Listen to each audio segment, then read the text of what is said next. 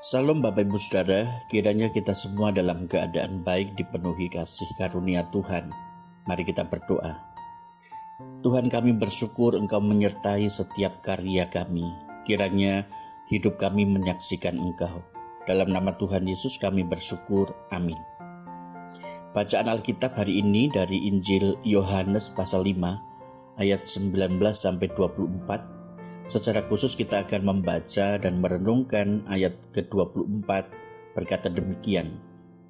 Aku berkata kepadamu, sesungguhnya barang siapa mendengar perkataanku dan percaya kepada dia yang mengutus aku, ia mempunyai hidup yang kekal dan tidak turut dihukum, sebab ia sudah pindah dari dalam maut ke dalam hidup.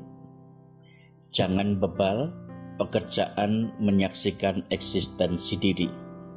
Ada pepatah mengatakan pohon dikenali dari buahnya. Keberadaan diri seseorang dapat dikenali melalui perbuatannya. Demikian halnya Kristus. Orang banyak sebenarnya telah mengenal keberadaannya melalui perbuatannya, menyembuhkan seseorang yang selama 30 tahun lebih menderita lumpuh. Meskipun mereka mengenali perbuatannya yang ajaib, hati mereka tidak tergugah oleh pengenalan itu untuk menerima kehadirannya. Padahal tidak ada yang patut diragukan dalam diri Yesus Kristus. Bukankah dalam kesaksiannya ditekankan bahwa apa yang dilakukannya juga adalah perbuatan Bapaknya? Karena Bapaknya mampu, maka ia sebagai putra Allah pun mampu melakukan pekerjaan ilahinya. Hidup di dalam Kristus, apa tanda bahwa seseorang itu hidup di dalam Kristus? Ia hidup, tidak lagi mati secara rohani.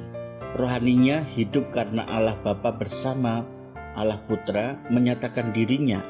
Sekarang ia mengenal Allah yang benar. Bapa telah memberikan kuasa kepada putranya Yesus Kristus untuk memilih siapa yang hidup dan siapa yang mati secara rohani. Ayat 27. Yang jelas orang ini dicirikan melalui pembaruan iman percaya kepada Yesus Kristus, Sang Putra Allah. Kepada pemimpin-pemimpin agama yang ingin menganiayanya, bahkan membunuhnya, Yesus tidak membalas dengan perbuatan yang sama. Ia mendorong mereka untuk menyelidiki kesaksian Yohanes, pekerjaan-pekerjaannya, dan kitab suci. Semuanya itu bersaksi tentang keberadaannya, dengan perkataan lain, Tuhan Yesus membalas kejahatan dengan kesaksian akan kebenaran. Di sini Tuhan Yesus memberikan sebuah teladan. Satukan kasih dan kesaksian dan kebenaran dalam reaksi kita terhadap aksi-aksi kejahatan orang lain.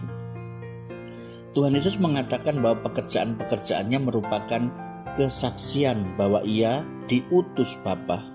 Bagaimanakah bentuk pekerjaannya?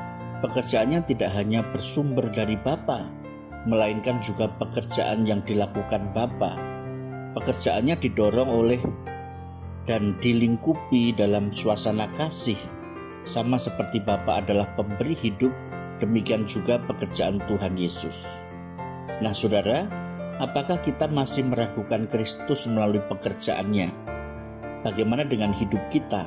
Apakah pekerjaan dan karya kita dalam panggilan khusus sebagai orang percaya juga menyaksikan tentang Kristus, Tuhan kita, atau justru sebaliknya.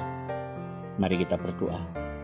Tuhan tolonglah kami mengenal Engkau dalam karyamu yang mengubah kehidupan kami, supaya hidup kami menyaksikan kemuliaan-Mu.